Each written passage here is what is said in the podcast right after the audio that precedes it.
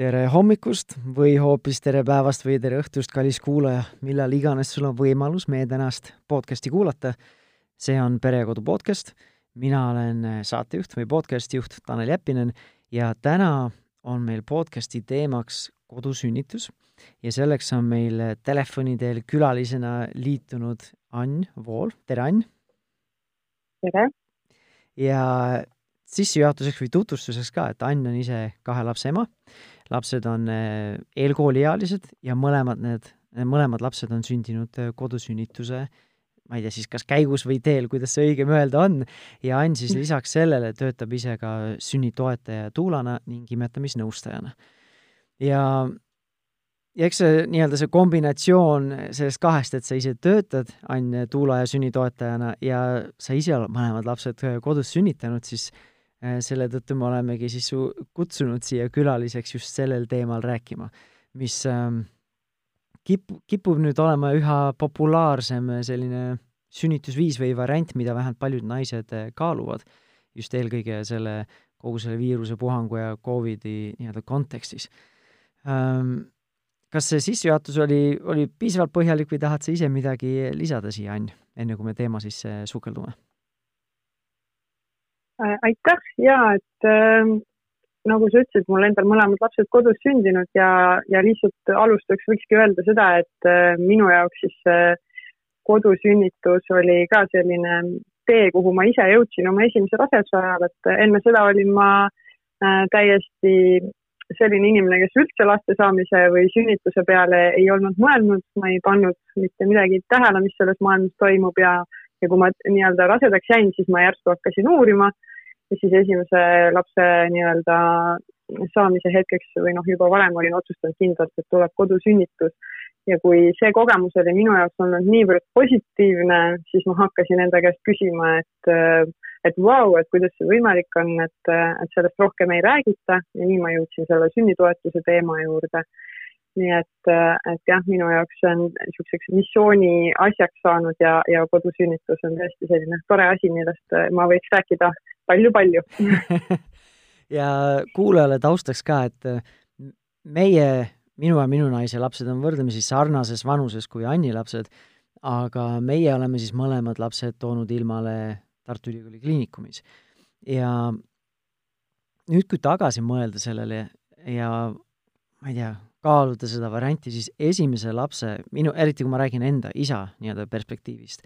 et esimese lapsega kodusünnitus teha oleks, ma arvan, et olnud võrdlemisi ärevust tekitav, sest äh,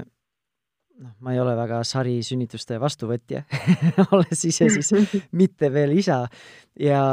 ikka kõik selline uus on natukene võib-olla hirmutav, ta on ebatraditsiooniline ja isana ikkagi ma tunnen, et minu roll on siis hoolitseda nagu turvalisuse ja tervise eest oma pere, oma naise, oma tulevase lapse, et siis lihtne on minna sellist kindlama äh, ma ei tea, või vähemalt illusioon, ma ei tea, kas on illusioon või sellest nagu tunnetus on see, et see on see kindlama, kindlam viis, et minna sellisesse meditsiinilise institutsiooni juurde, kes siis aitab seda mingil määral võib-olla loomulikku protsessi läbi viia või ellu viia. aga samas nüüd, kui tagasi vaadata, siis meie puhul või meie pere puhul või minu naise puhul mõlemad sünnitused olid võrdlemisi loomulikud ja lihtsad ja kulgesid väga nii-öelda kergesti, sest me enamuse selle sünnitusprotsessist viisime läbi kodus ja läksimegi selle sünnitus nii-öelda viimase, viimases faasis sinna, kus mõlemad lapsed sündisid haiglasse saabumise hetkest mingi poole või kolmveerand tunni jooksul. et selle kontekstis ma nagu oleksin oluliselt kindlam nüüd tulevikus, kui meil see võimalus peaks tekkima või me tahaksime kolmanda lapse saada, et siis seda teed minna, sest äh, ma usaldan oma naist, sest ta on ise teinud iga, iga sünnitusega või mõlema sünnitusega suure töö ära ise just sellest emotsionaalse ja vaimse ettevalmistuse poole pealt. ja et lihtsam võib-olla usaldada seda looduslikku äh, protsessi kui esimese puhul. et on see selline suhtumine, millega sina oled ka kokku põrganud või kohanud või olen siis ma selline rohkem ükssarvik või selline unikaalne äh, indiviid? jaa, et, et sa tõidki väga hästi välja tegelikult selle kõige ilmselt klassikalisema mõtteviisi, et äh, me elame täna sellises äh, ühiskonnas, kus me oleme väga harjunud äh, kõike kontrollima, meil on kõikvõimalikud nutikellad, aparaadid, mis ütlevad meile, milline on meie pulss ja millal me peame magama minema. et, et me oleme nagu väga selles mõttes jah, teadlikus või, või kontrollivas ühiskonnas tänapäeval.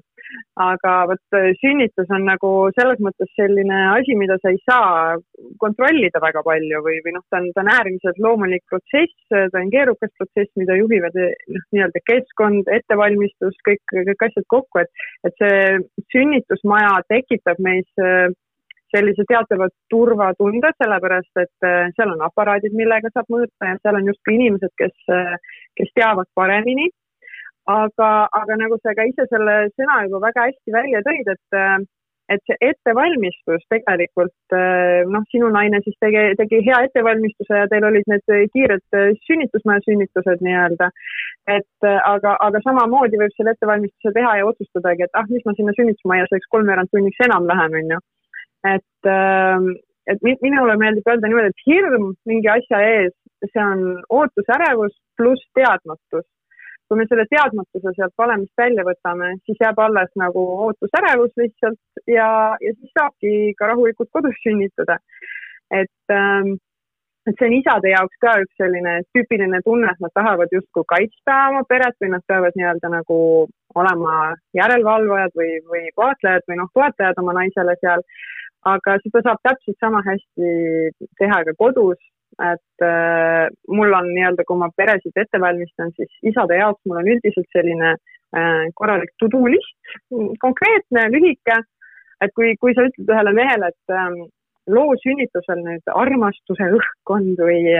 või oled toetav oma naise suhtes, siis see on selline roosa mull, millest võib-olla noh, ühel mehel on raske aru saada, ma ei tea, sa võid kinnitada või ümber lükata, kuidas sinu puhul see on, aga, aga no, mulle mida, on jäänud mulje. mida konkreetsemad ja sellised äh, tegevusele suunatud kindlatele konkreetsetele tegevustele suunatud juhised on seda lihtsam, et kui keegi tõesti, et ole nüüd armastav, siis noh, mida sa tahad, kas sa tahad, ma hoian kätt või mida sa tahad, et kas ma toetan sind sõnadega, ütlen sulle seda, hoian su kätt, hoian su jalga, mida sa tahad, mida sa ootad mult, et et, et see on hästi ikkagi äh, konkreetne peab see juhis olema. jaa ja, ja sellepärast ongi, et, et noh, et selleks, et siis isade nii-öelda seda ärevust maha tu tuua, on võimalus andagi neile selline konkreetne nimekiri. et äh,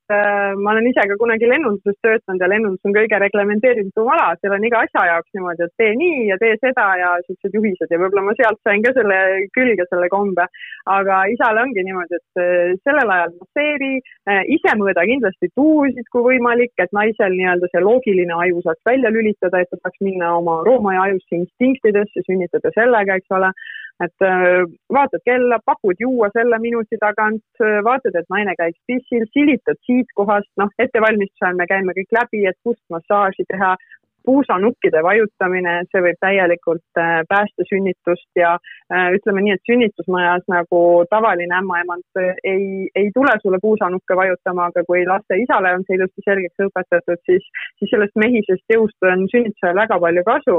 Et minu esimese sünnituse tegigi see puusanukkide vajutamine selliseks väga meeldivaks kogemuseks, noh, see on üks aspekt, kuidas sünnitust nii-öelda meeldivamaks muuta, et jaa, isadele võimalikult konkreetsed soovitused, kuidas oma naist siis toetada, nagu sa ka ütlesid juba, heade sõnade väljendamine, varsti, varsti on beebi käes või et äh, väga tubli oled, et äh, et kõik niisugused äh, konkreetsed juhised, et aga naise, naise jaoks on see just see ettevalmistus, mis võtab ära selle hirmu ja on ikkagi oma keha mõistmine et, et ma arvan, et see, miks sinna sünnitusmajja nii-öelda minnakse või, või mis on hästi sage küsimus naiste jaoks, on see, et ma ju ei tea, et kui kaugel mu sünnitus on. et ma lähen lasen mõõta avatust või noh, et las nad vaatavad, mis mu kehas toimub. las nemad, keegi väline ütleb mulle, mis mu kehas toimub. aga, aga kui naine on piisavalt informeeritud, ta mõistab oma keha märke ja võib-olla on tal ka siis olemas oma tuula või ämmaemand, kellele helistada, et kuule, nüüd on sellised asjad, et mis see tähendab, et kas ma saan õigesti aru, siis on võimalik maha rahustada, öelda, et jaa, nüüd on meil praegu see etapp siin, et, et kõik on õige. Ja, ja siis naine saabki nii-öelda tunda ennast turvaliselt, see hirmu osa kaob sealt ära ja, ja ta saab rahulikult edasi sünnitada, et, et ma arvangi, et kodusünnituse juures nagu number üks asi on see, see teadlikkuse asi, et, et naine tunneb oma keha, tal on keegi, kes toetab teda selles tundmuses aeg-ajalt, kui tal mingi ebakindlus üles kerkib ja, ja sellel protsessil lastakse siis nii-öelda loomulikult kulgeda.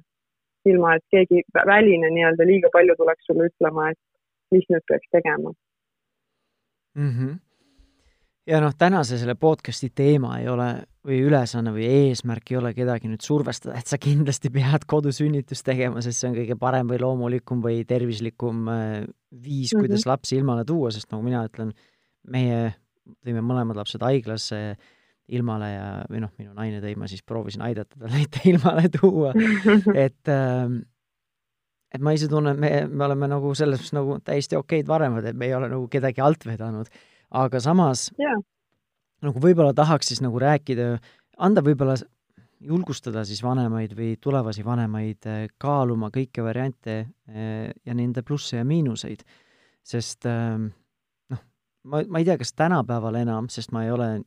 nii sukeldunud selle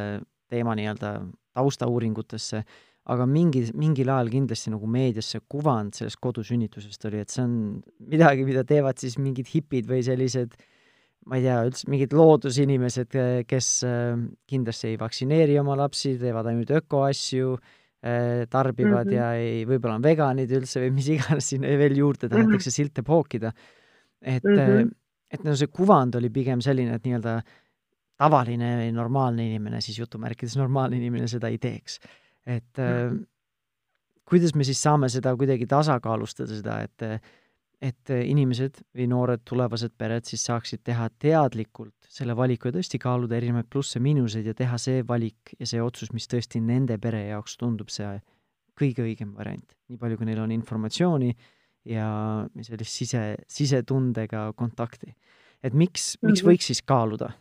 või äh, üks, ütleme,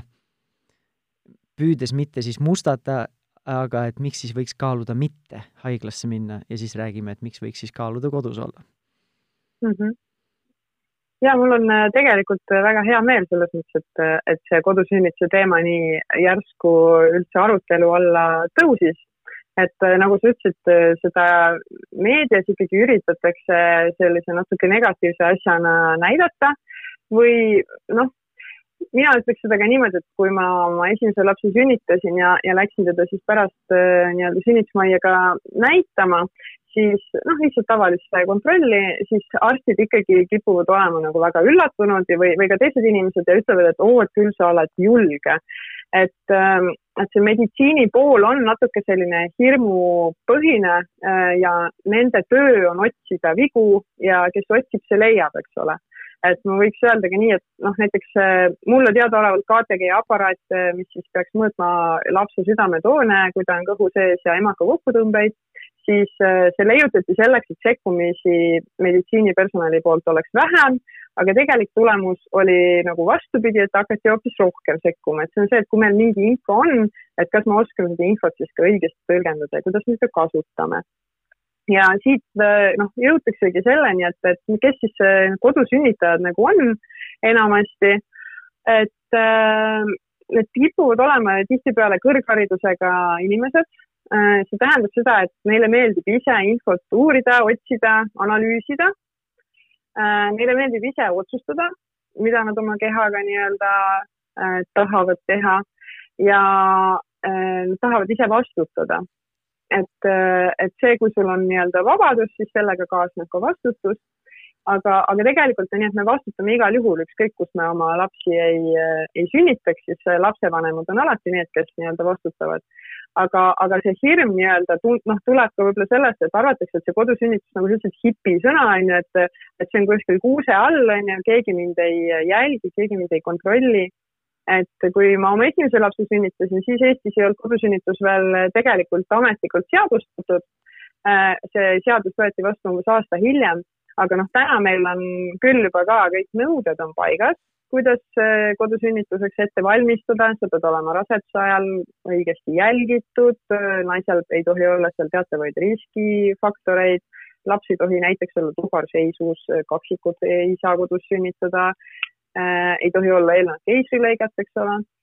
et äh, ja, ja mis on kõige olulisem, see, et kui sul on kodusünnitus, siis ämmaemand tuleb sinna ikkagi niimoodi, nagu ta läheks nagu kaheks nädalaks Bahama saartele või midagi sellist, et tal on ikka korralikud kohvrid kaasas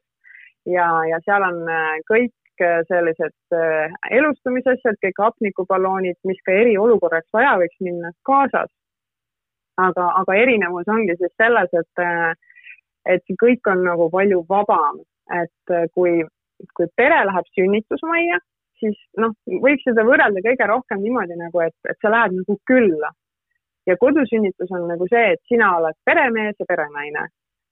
et, et see, see tunde erinevus, et, et kas, kas mina ütlen, kuidas siin majas asjad käivad või ma lähen kellegi teise juurde ja küsin, et kus teil siin WC on, kas ma tohin püsti tõusta, kas ma tohin vett juua.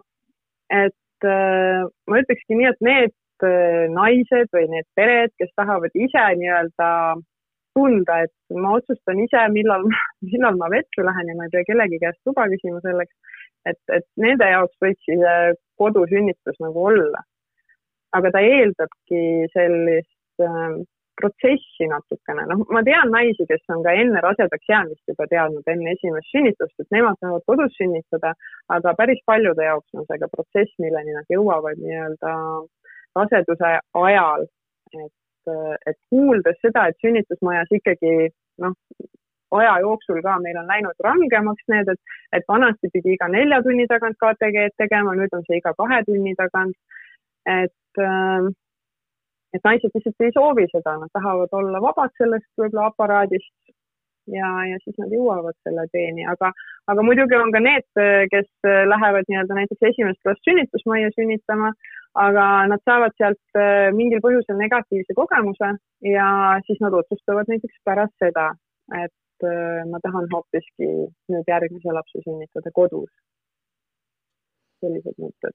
mm. -hmm. mis need plussid veel on lisaks sellele, et äh, ma tõesti tunnen võib-olla ennast vabamalt äh, kodus, kui ma noh, mina, ütleme, isa tunneks võib-olla see, ilmselt see sünnitaja ise ka, et ta on nagu kodune keskkond, turvaline ähm,. mis need plussid veel on? ja et ähm, no üks pluss on näiteks see, et sa ei pea autoga kuskile sõitma et äh, naiste jaoks on vahel see. et auto, autos sünnib, sünnib, sünnib laps, on ju. ja täpselt, et sa ei saa hiljaks jääda äh,, sa ei saa midagi maha unustada nagu kõik asjad, mis sul vaja on, need on sul kodus olemas ähm,. ja näiteks ka see, et kodus on oma see bakterid või oma mikrofloora et kui sa sünnitusmajja lähed, noh, eriti ka täna, eks ole, et äh, seal tegelikult liigub palju inimesi ja justkui sel samal argumendil äh, nii-öelda isasid siis sünnituse juurde ei lasta, aga kodus ongi see, et äh, sinna tuleb ainult võib-olla üks-kaks inimest juurde, on see siis ämmaemand või ämmaemand ja tuula. Ja ülejäänud on kõik oma see pere mikrofloora. üks boonus on veel näiteks seesama pere sünnitus et küll noh, mõned naised ütlevad, et äh, tema just ei taha, et äh, lapsed juures oleksid, aga päris tihti, kui on juba suuremaid lapsi, nad kipuvad hoopis magama maha selle ja siis on nii tore üllatus, ärkavad üles ja oi, juba väike õde või vend on sündinud minu suurem laps näiteks oli pahane selle peale, et ta maha magas oma väikse õe sündimise, ta siiamaani heidab mulle ette, et miks ma teda üles ei ajanud. et, äh, et see peresünnituse tunne ja annab lastele ka tegelikult selle, et nemad hakkavad nagu nägema sünnitust mingi teistsuguse asjana. et meil on, meil on pilt sünnitusest ikkagi antud läbi meedia paljuski, läbi filmide. me oleme teatavasti sellised äh, loomad või olendid, kes saavad palju infot läbi silmade. ja kui ma Pelgulinnas olen loenguid teinud, siis ma seal ka ikka nagu räägin sellest, et, et noh, väga palju aastaid on mehed olnud need, kes filmitööstuses neid filme kas produtseerivad või teevad. Ja seal on siis sünnitamine alati kujutatud sellise meeletu äh, kiirustamise ja draama ja röökimisena. Ja ma kujutan ette, et ühe nagu teadmatuses oleva mehe jaoks see võibki umbes nii paista aga, aga et äh, jah, ma julgustaks nii-öelda seda, et, et kui lapsed näevad esiteks, et sünnitus on selline mõnus, vaikne, noh, seal võib ka häält olla, aga see on tegelikult palju loomulikum kui see, mis me filmidest näeme. ja ka peresid ise, et, äh, et vaadake selliseid positiivseid filme, internetis on olemas võimalik alla laadida, kus on äh, nagu võimalik üle programmeerida see hirmupõhine sünnituspilt või kuvand oma peas, onju mhm. no kindlasti üks asi lisaks filmidele on ka nii-öelda need eelnevad põlvkonnad et eh, noh, nais, eriti naiste puhul, isade puhul seda vähem, et no enamus isadel ei ole lugusid rääkida, kuidas nemad selle asja juures olid, on ju, sest Nõukogude ajal ja. ei olnud selliseid võimalusi või isegi varajases Eesti nii-öelda teise iseseisvumise ajal, on ju, või selle teise vabariigi ajal. Ja aga samas nagu naised saavad enamasti mingeid kogemusi oma vanematelt aga jälle Nõukogude mhm. selline meditsiinisüsteem oli ka võib-olla teistsugusem, kui ta tänapäeval on, vähemalt tahaks arvata mm. -hmm. et siis see, see ettekujutus ongi võib-olla üks asi, nagu sa ütlesid, meedias ja filmides, siis teine see teistest varasematelt põlvkondadelt, vanema, vanematelt, vanavanematelt, et siis see võib-olla ei loo sellist realistlikku ette, ettekujutust ka või kuidas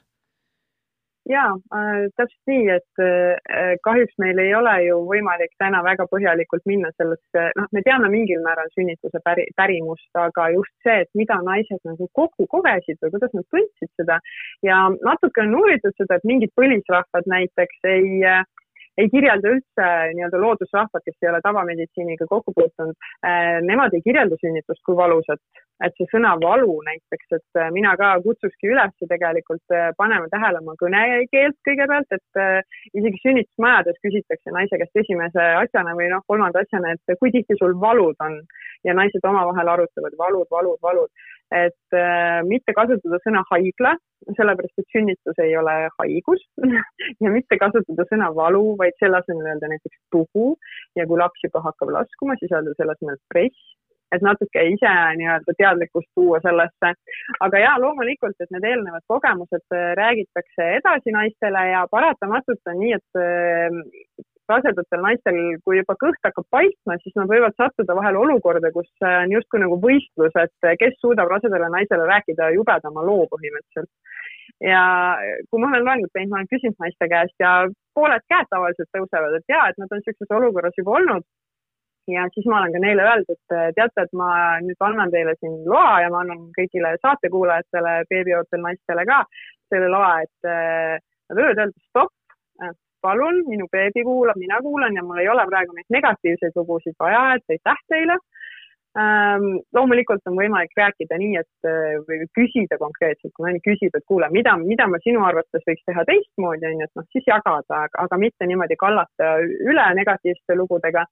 sellepärast, et noh, nõukogudeaegne sünnitamine oli ikka hoopis midagi muud ja, ja mis nüüd ka selle koroonakriisi valguses tegelikult väga on nagu üles tulnud äh,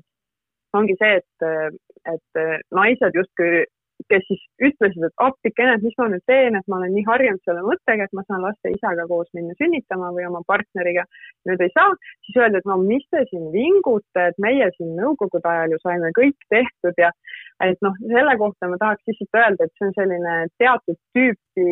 noh, nagu psühholoogilise surve või, või saavutussurve panemine teistele naistele, et, et ma väga kutsuks üles olema nagu äh, eriti rasedate naiste suhtes nagu leebe, lihtsalt jaatama neile, et ja ma saan aru, et sa oled ärevil ja ma kujutan ette, et see võib sulle raske olla, et äh, mitte hakata nii-öelda nende siis hetke ärevusi tühistama et äh, noh, Nõukogude Liidu ajal tegelikult nii palju, kui ma naistega olen rääkinud, äh,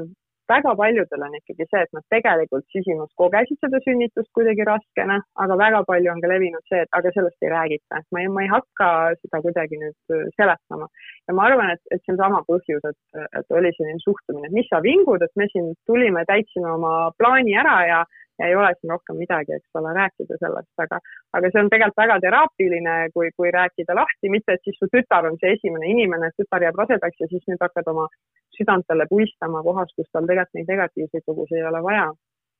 nii et, et jah, ma, ma väga tahaks, minu unistus on see, et, et räägitakse rohkem nagu positiivseid lugusid Äh, ma ise olen ka nagu see, et ma üritan rääkida oma sünnituslugusid, mis on positiivsed, et naistel oleks nagu teistsuguseid näiteid ka. ja, ja noh, mis puudutab võib-olla Nõukogude Liidu aega ja tänast seda koroonaseisu, mis mind nagu väga puudutas, oli see, et, et kui tulid välja need juhised, kus öeldakse, et laps võib olla emast eraldatud kuni kaks nädalat isegi äh, koroonaga seoses, siis vot see oli see koht, kus mul hakkas süda hüppama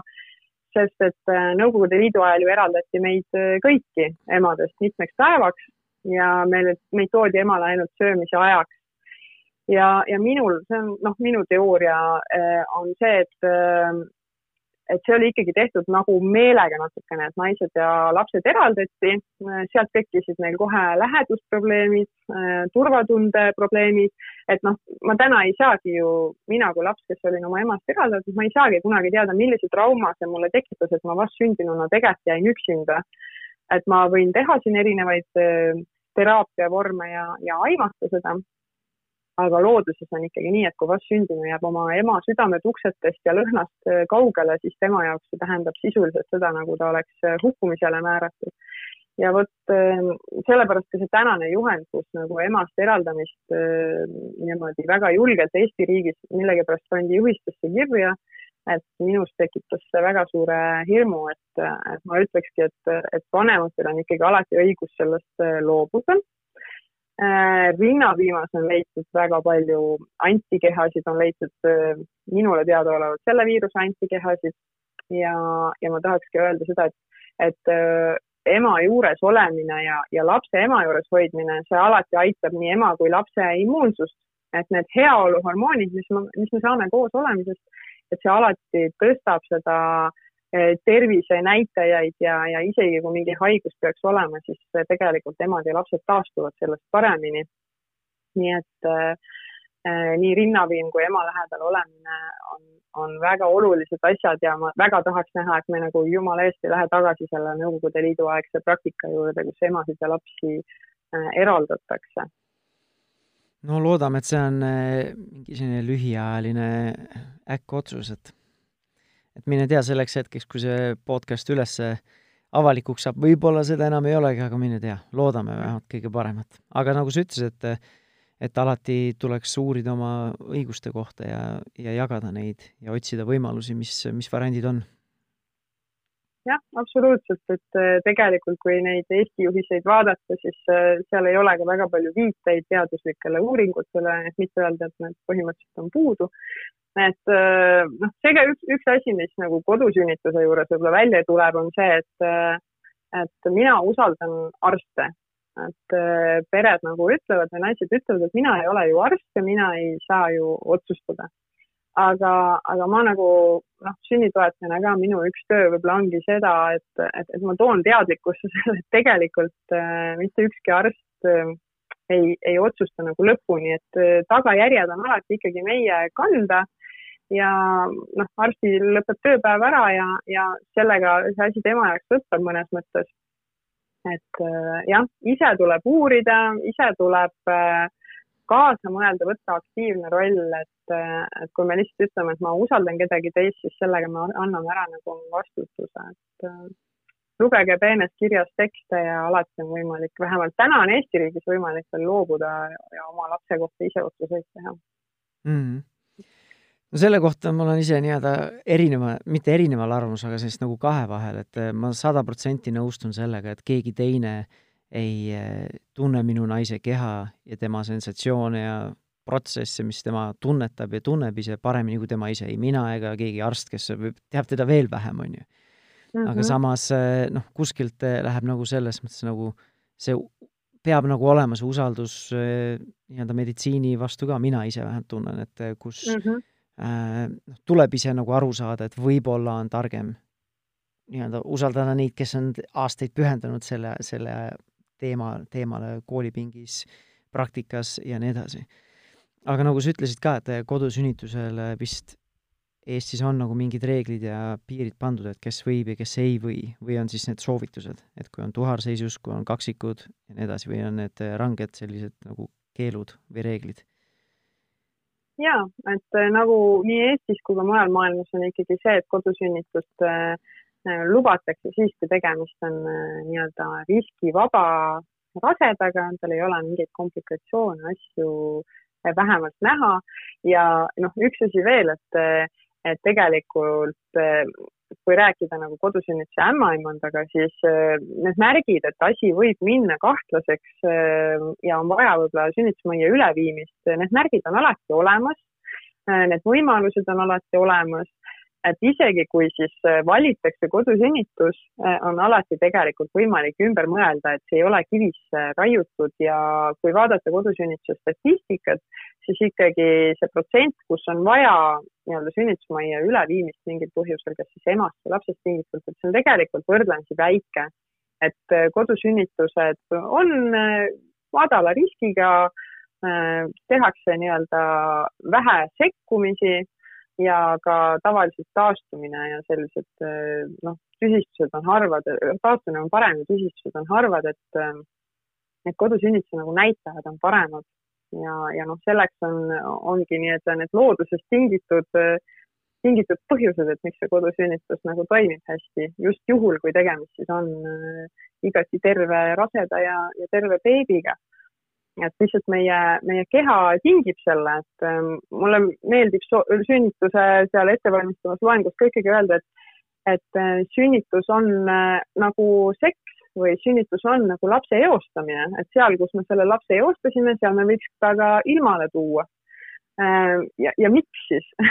et äh, teadlased on tegelikult uurinud, et äh, naise kehas olevate hormoonide kokteil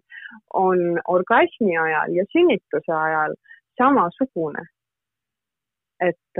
see vajab isegi natuke nagu pausi selle üle mõelda, et oota, mis mõttes. Et need heaoluhormoonid, äh, turvatunde hormoonid, need on valuvaigistid, endorfiinid, loomulik oksüdotsiin, armastuse hormoonid. ja need on needsamad asjad, mis aitavad naisel sünnitada ja, ja kus on seda siis parem teha, kui mitte oma kodus kus on hämar, kus on turvaline, võõrad inimesed ei tule juurde, sa saad ise valida oma asendit, keegi ei vaata kella, et mis kell sulle mingi piiksuv masin tuleb külge panna, eks ole äh,. Seal on sinu lõhnad, rasedatel on näiteks võib vägagi häirivaks muutuda see, kui mingil personalil on äh, mingi parfüüm küljes, eks ole. et äh, kui isegi internetis on tegelikult selle kohta videosid olemas, et, et kui lapse eostamine oleks samamoodi kontrollitud protsess, nagu on eh, lapse sünnitamine, noh, ma võiks isegi öelda, et võib-olla siis inimkond oleks juba välja surnud, sellepärast et kui, kui esi-, niimoodi, et paar läheb esimese lapse eostamise eel, nii, nüüd te peate tulema siia majja, valged uksed, kõik me enne mõõdame teid üle mõõdulindiga, nii okei okay. Äh, kahtleme, kas te ikka saate hakkama, eks ole, me käime teid siin ikka iga natukese aja tagant vaatamas, kuidas teil läheb. et noh, ma ei tea, kui palju neid lapsi niimoodi ärevuse seisundis eostatud saaks. See on niisugune nagu noh, naljaga toodud võrdlus, aga, aga mõnes mõttes see nii on, et et vot minu jaoks nagu see kodusünnitus ongi see, et, et seal saavad avalduda kõige paremini siis naise enda keha loomulikud protsessid, loomulikud hormoonid ja, ja räägitakse orgastilisest sünnitusest ja räägitakse sellest kui mingist linnalegendist, aga, aga tegelikult see on teostatav. et kui, kui naised teavad seda, et nende keha tegelikult toimib sünnituse ajal nii nagu ka seksi ajal või orgasmi ajal, siis on võimalik sinna seisundisse jõuda ja, ja ma olen ise selle järgi proovinud, nii et äh, see ei ole mingi, ma ei räägi kellegi teise kogemusest, vaid, vaid ma räägin enda kogemusest, nii et mm. see on tõesti, see on tõesti tore ma nõustun sinuga selles, et, et sünnitamine on see või võiks olla või peaks olema loomulik protsess, mitte selline, ma ei tea, ongi kliiniline täppisteadus, on ju. aga samas nagu nii-öelda äh, ma ei tea siis, kas püüdes vastu vaielda, et ongi, et kõik, mis oli kunagi ürgajal, ei tähenda, et me peame täpselt samamoodi seda praegu tegema, et ürgajal inimeste eluiga oli väiksem, on ju, suremus oli suurem, ka sünnituse järgselt, on ju, ja nii edasi, et aga olle, -hmm. olles nagu seda öelnud, siis äh, et üks asi, mida noh, nii palju, kui ma olen ise kõrvalt näinud oma naist kaks korda rasedust äh, sünnitanud ja ra rase olnud ja nii edasi, et siis ja see, kogu see protsess tema kõrvalt ja nii palju, kui meil on endal tuttavaid, kes on kodus sünnitanud, et siis äh, see nagu paneb selle ema või tulevase ema olukorda, kus ta peab olema ise rohkem kontaktis iseendaga. selle asemel, nagu sa ütlesid mm, -hmm. anda see vastutus mingile institutsioonile, mina olen rase, käin üheksa kuud äh, nii-öelda rasedana ringi ja siis äh, lähen sinna, et äh, võtke nüüd see laps minult välja, on ju, või minust välja. et mingil määral paneb sellise vastutuse iseendale, et tõesti ise õppida ennast tundma, võib-olla isegi esi, esimest korda elus, et kuulama oma sisehäält, kuulama ja õppima tundma oma mingeid tundmusi ja kehalise, kehalisi kogemusi ja nii edasi. et äh, ma ei tea, kas võib-olla on see ka paljudele kas nii-öelda võõras äh, või siis isegi hirmutav äh, selline perspektiiv? Jaa äh,, loomulikult, et äh, nagu ma ütlesin, ma olen harjunud täna juba nende tarkade masinate ja aparaatidega, kes ütlevad meile kõike ette ja äh, mulle tegelikult väga meeldis ühe meditatsiooniõpetaja nii-öelda lause mis ta ütles, et me oleme tänapäeval harjunud, et enesehügieen on hammaste pesemine ja kui sa näiteks nädal aega hambaid ei pese, siis öeldakse sulle, et puh, et mine nüüd ja pese oma hambad ära või no isegi pärast ühte päeva juba. Aga et näiteks mediteerimine või, või nii-öelda ene, enesevaimu ja sellise sisemaailma tasakaaluga tegelemist ei loeta nagu enesehügieeni küsimuseks, aga tegelikult me võiksime seda nii teha, et kuule, sa ei ole nädal aega mediteerinud nagu, mis mõttes, et mine nüüd, mine nüüd mediteeri. Et äh, sünnitamine on ähm, kõige nii-öelda võimsam äh, protsess, mis ühe naisega elu jooksul toimuda võib, et selles mõttes ma saan aru sellest, et see, see ei ole mingisugune äh, naljaasi, on ju, et see on, tegelikult see on koht, kus naine seisab äh, elu ja surma piiri peal ja see on üks, see on üks, noh, see on tõesti, see on võimas koht ja see transformeerib naist. Et naine, kes saab sünnitada sellisel viisil, et äh, ta on kuuldud, ta on toetatud, ta tajub oma keha, ta teab, mis tal seal toimub, ta võtab need otsused ise vastu. sellest naisest saab pärast sellist sünnituskogemust tõeliselt äh, noh, väekas naine või nagu veel väekam selles mõttes, et äh, ta tajub ja usaldab ennast veel rohkem. nii et, et jaa, see, see vajab sellist keskendumist, süvenemist, aga ma ei taha jällegi minna sinna, et see on nüüd mingisugune, sa pead olema mingi zen-munk või, või mis iganes meditatsioonimeister, et seda saavutada, et, et ei pea olema, mina ei olnud selline ja, ja, ja seda saab nagu iga naine ise saavutada, aga noh, see peab olema ikkagi selline sisemine teekond, et me ei saa nagu kedagi äh, kuidagi tagant äh, kiirustada, et ta peab ise jõudma selle tundeni, et, et see on nüüd see tee ja, ja vahel see ongi nii, et esimene sünnitus sünnitatakse nii, teise sünnitusega mõeldakse ümber. aga, aga noh, mis, mis nagu natuke ka meil siin Eestis võib-olla see probleem on, on see, et tegelikult eh, noh, praegu ka tuli see välja, et meil on tegelikult vähe kodusünnituse ämmaemandaid või, või nii-öelda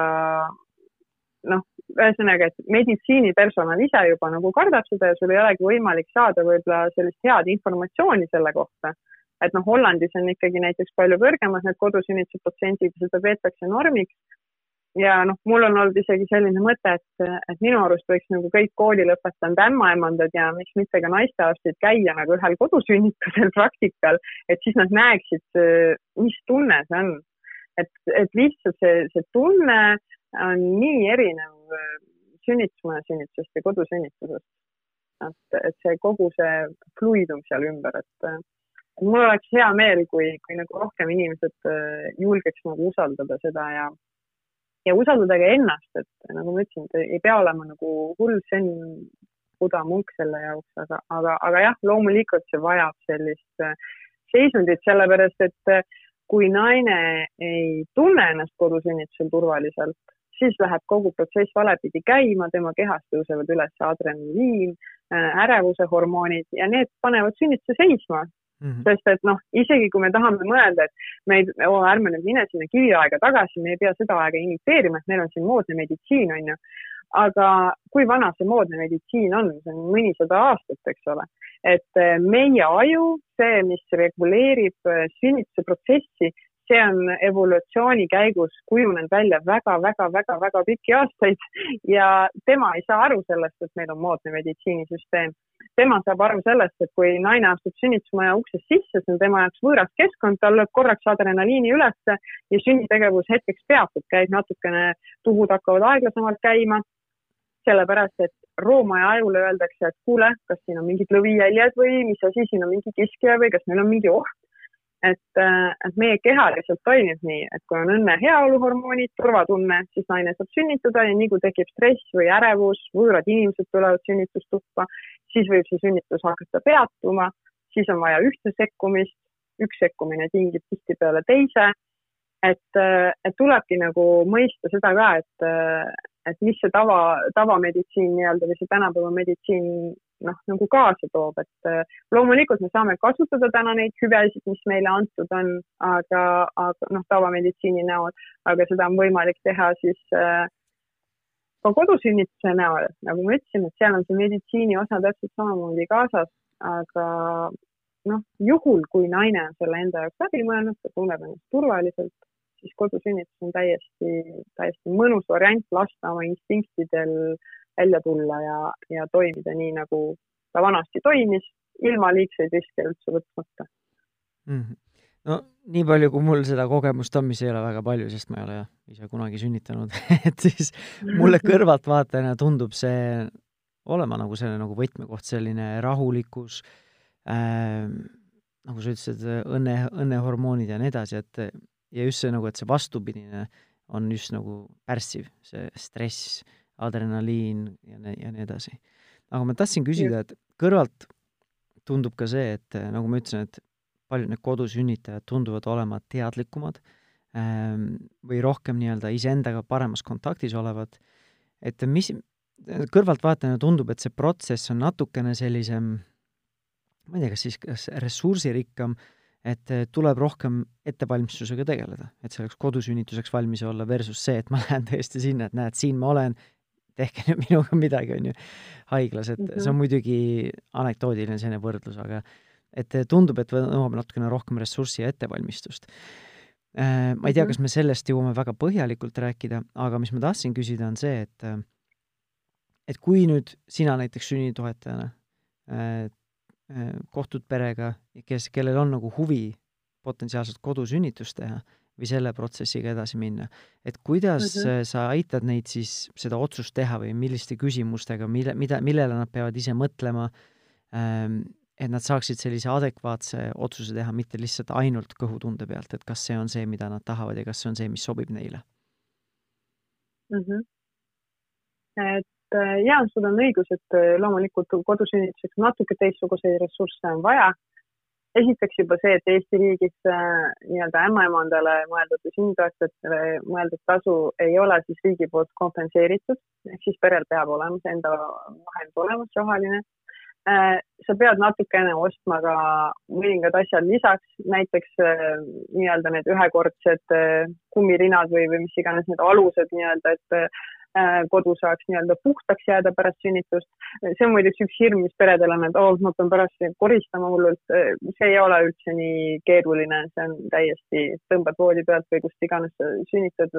need asjad lihtsalt kokku prügikasti ja see pole üldse keeruline Äh, ressursside mõttes äh, jah, selles mõttes, et sul peab olema tugisüsteem, kes sind toetab, ehk siis kui näiteks naine tahab kodus sünnitada, aga mees on kategooriliselt vastu, siis, siis see ei ole see tugisüsteem, mis hetkel naist toetab. ja, ja muideks siin ütleks ma ka seda, et need, kes kodusünnitust plaanivad, ma seda ka soovitan peredele, on see, et ärge seda liiga suure kella külge pange sellepärast et äh, hakata inimestele nagu rasedana selgitama seda, et miks sa seda teed ja jällegi hakata võitlema natukene selle kuvandiga, et mis sa hull nüüd siin mõtled endast, et äh, see raiskab meie vaimseid ressursse. et äh, mina, mina ei rääkinud ka enda sellest plaanist tegelikult ainult äh, noh, mitte kellelegi põhimõtteliselt, ainult nendele väga asjasse pühendunud isikutele ja, ja kui nüüd minu juurde siis tuleks üks pere, kes ütleb, et nad kaaluvad seda siis äh, tegelikult minu töö ongi kõigepealt nii-öelda natuke aidata neil ümber programmeerida seda pilti, mis nad seni sünnitusest saanud on, ehk siis küsida, mida nad teavad täna sünnitusest, mida nad teavad enda sünnitusest ja mida nad on nii-öelda märganud filmidest, et kõigepealt kaardistada need uskumused, siis käia need uskumused nagu natukene üle. Ähm, ma soovitangi vaadata näiteks Orgasmic Birthi filmi internetist, selle on võimalik paari dollari eest endale nii-öelda laenutada. Äh, siis ma soovitan äh, lugeda positiivseid sünnituslugusid, selle jaoks on meil ka olemas Hiina Meigeskini loomuliku sünnituse teejuht. ja siis on loomulikult see, et me käime koos üle need valikud ja võimalused, mida siis sünnitusmajad pakuvad või ka piirangud, seesama, et äh, räägin lahti, et äh, mis aja tagant seal mingisuguseid asju peab tegema ja, ja kui palju neil on nii-öelda otsustusvabadust, mis piirini. ja siis perel endal lõpuks äh, tekib see,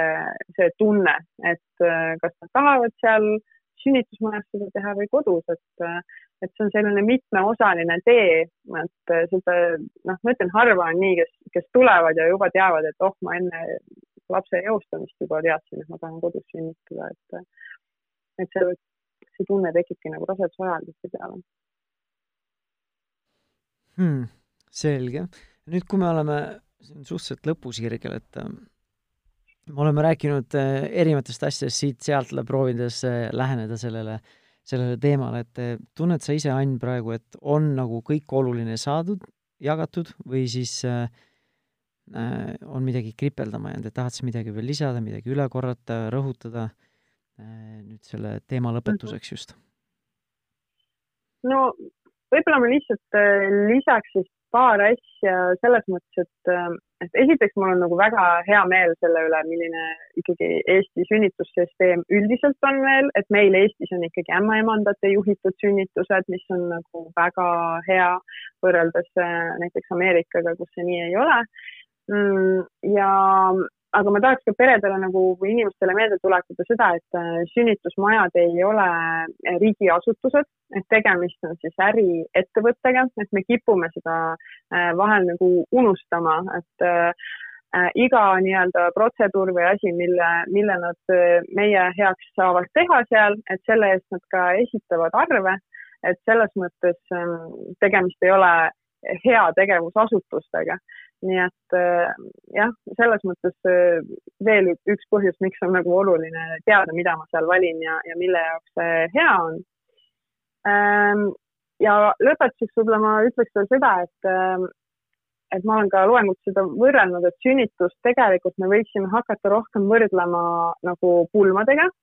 et äh, me oleme väga harjunud, et pulmadeks peab ette valmistuma põhjalikult, valima endale pulmaisa, catering'i, õhtujuhid, kõik bändid, asjad, et äh, aga sünnitusega on millegipärast nii, et äh, tihtipeale, et noh, lähen kohale, vaatan, kes personalist valvel on ja valves on ja, ja pole hullu. Aga noh, vaadake oma sünnitusest ja oma lapsest me ei saa nagu kunagi lahutada ja sünnitame me täpselt ühe korra, et noh, pulmapidu on isegi, kui vaja, siis võib uuesti teha, eks ole. aga, aga vot sünnitust nagu ümber teha ei saa. et selles mõttes äh, mina ikkagi väga julgustaks rohkem hakkama võtma seda sünnitust ka, et äh, noh, ongi mitte selle nõukogudeaegse selle suhtumisega, et noh, nemad naised ju tegid ära, et ma lähen ka lihtsalt teen ära, vaid ikkagi see ise vastutada rohkem, uurida ähm, tunnetada, et mis on see, kuidas, kuidas ma tahan sünnitada, kus ma tahan, kus ma tunnen ennast kõige paremini, kõige turvalisemalt ja siis valida need inimesed ja selle, selle viisi sinna juurde, et, et see on ikkagi elu suur sündmus ja, ja kui me oleme nõus oma pulmade peale raiskama nii-öelda raha suurtes hunnikutes, siis, siis võiks nagu sünnitusse ka investeerida rohkem minu, minu meelest. et äh, et kodu, kodusünnitus on äh, tegelikult, äh, kui tuua näide, et äh, see laulja Beyonce, eks ole, tema sünnitas ka oma kaksikud isegi tänapäeval kodus, et et kui kodusünnitus on olnud väga selline tegelikult äh, nagu aadlikute ja selliste kõrgete isikute asi, et, äh, et alguses sünnitusmajad loodi nendele inimestele, kellel ei olnud kodus nagu hügieeninõudeid äh, täidetud, et nad naised saaksid nii-öelda turvaliselt sünnitada seal, kus on, kus on puhas ja, ja keegi neid valvab, nii et mul oleks küll hea meel, kui kodusünnitus nagu tõuseks au sisse selles mõttes, et, et vähemalt ei, ei halvustataks seda kui mingit hipide põõsal tegutsemist, et see on selline eriline kogukond äh,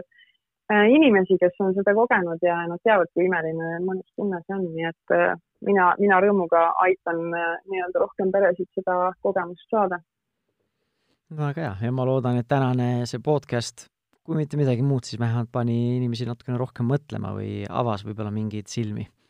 ja, ja suur-suur aitäh sulle, Anja, et sa võtsid aega täna, et oma kogemust, nii professionaalset kui ka isiklikku äh, jagasid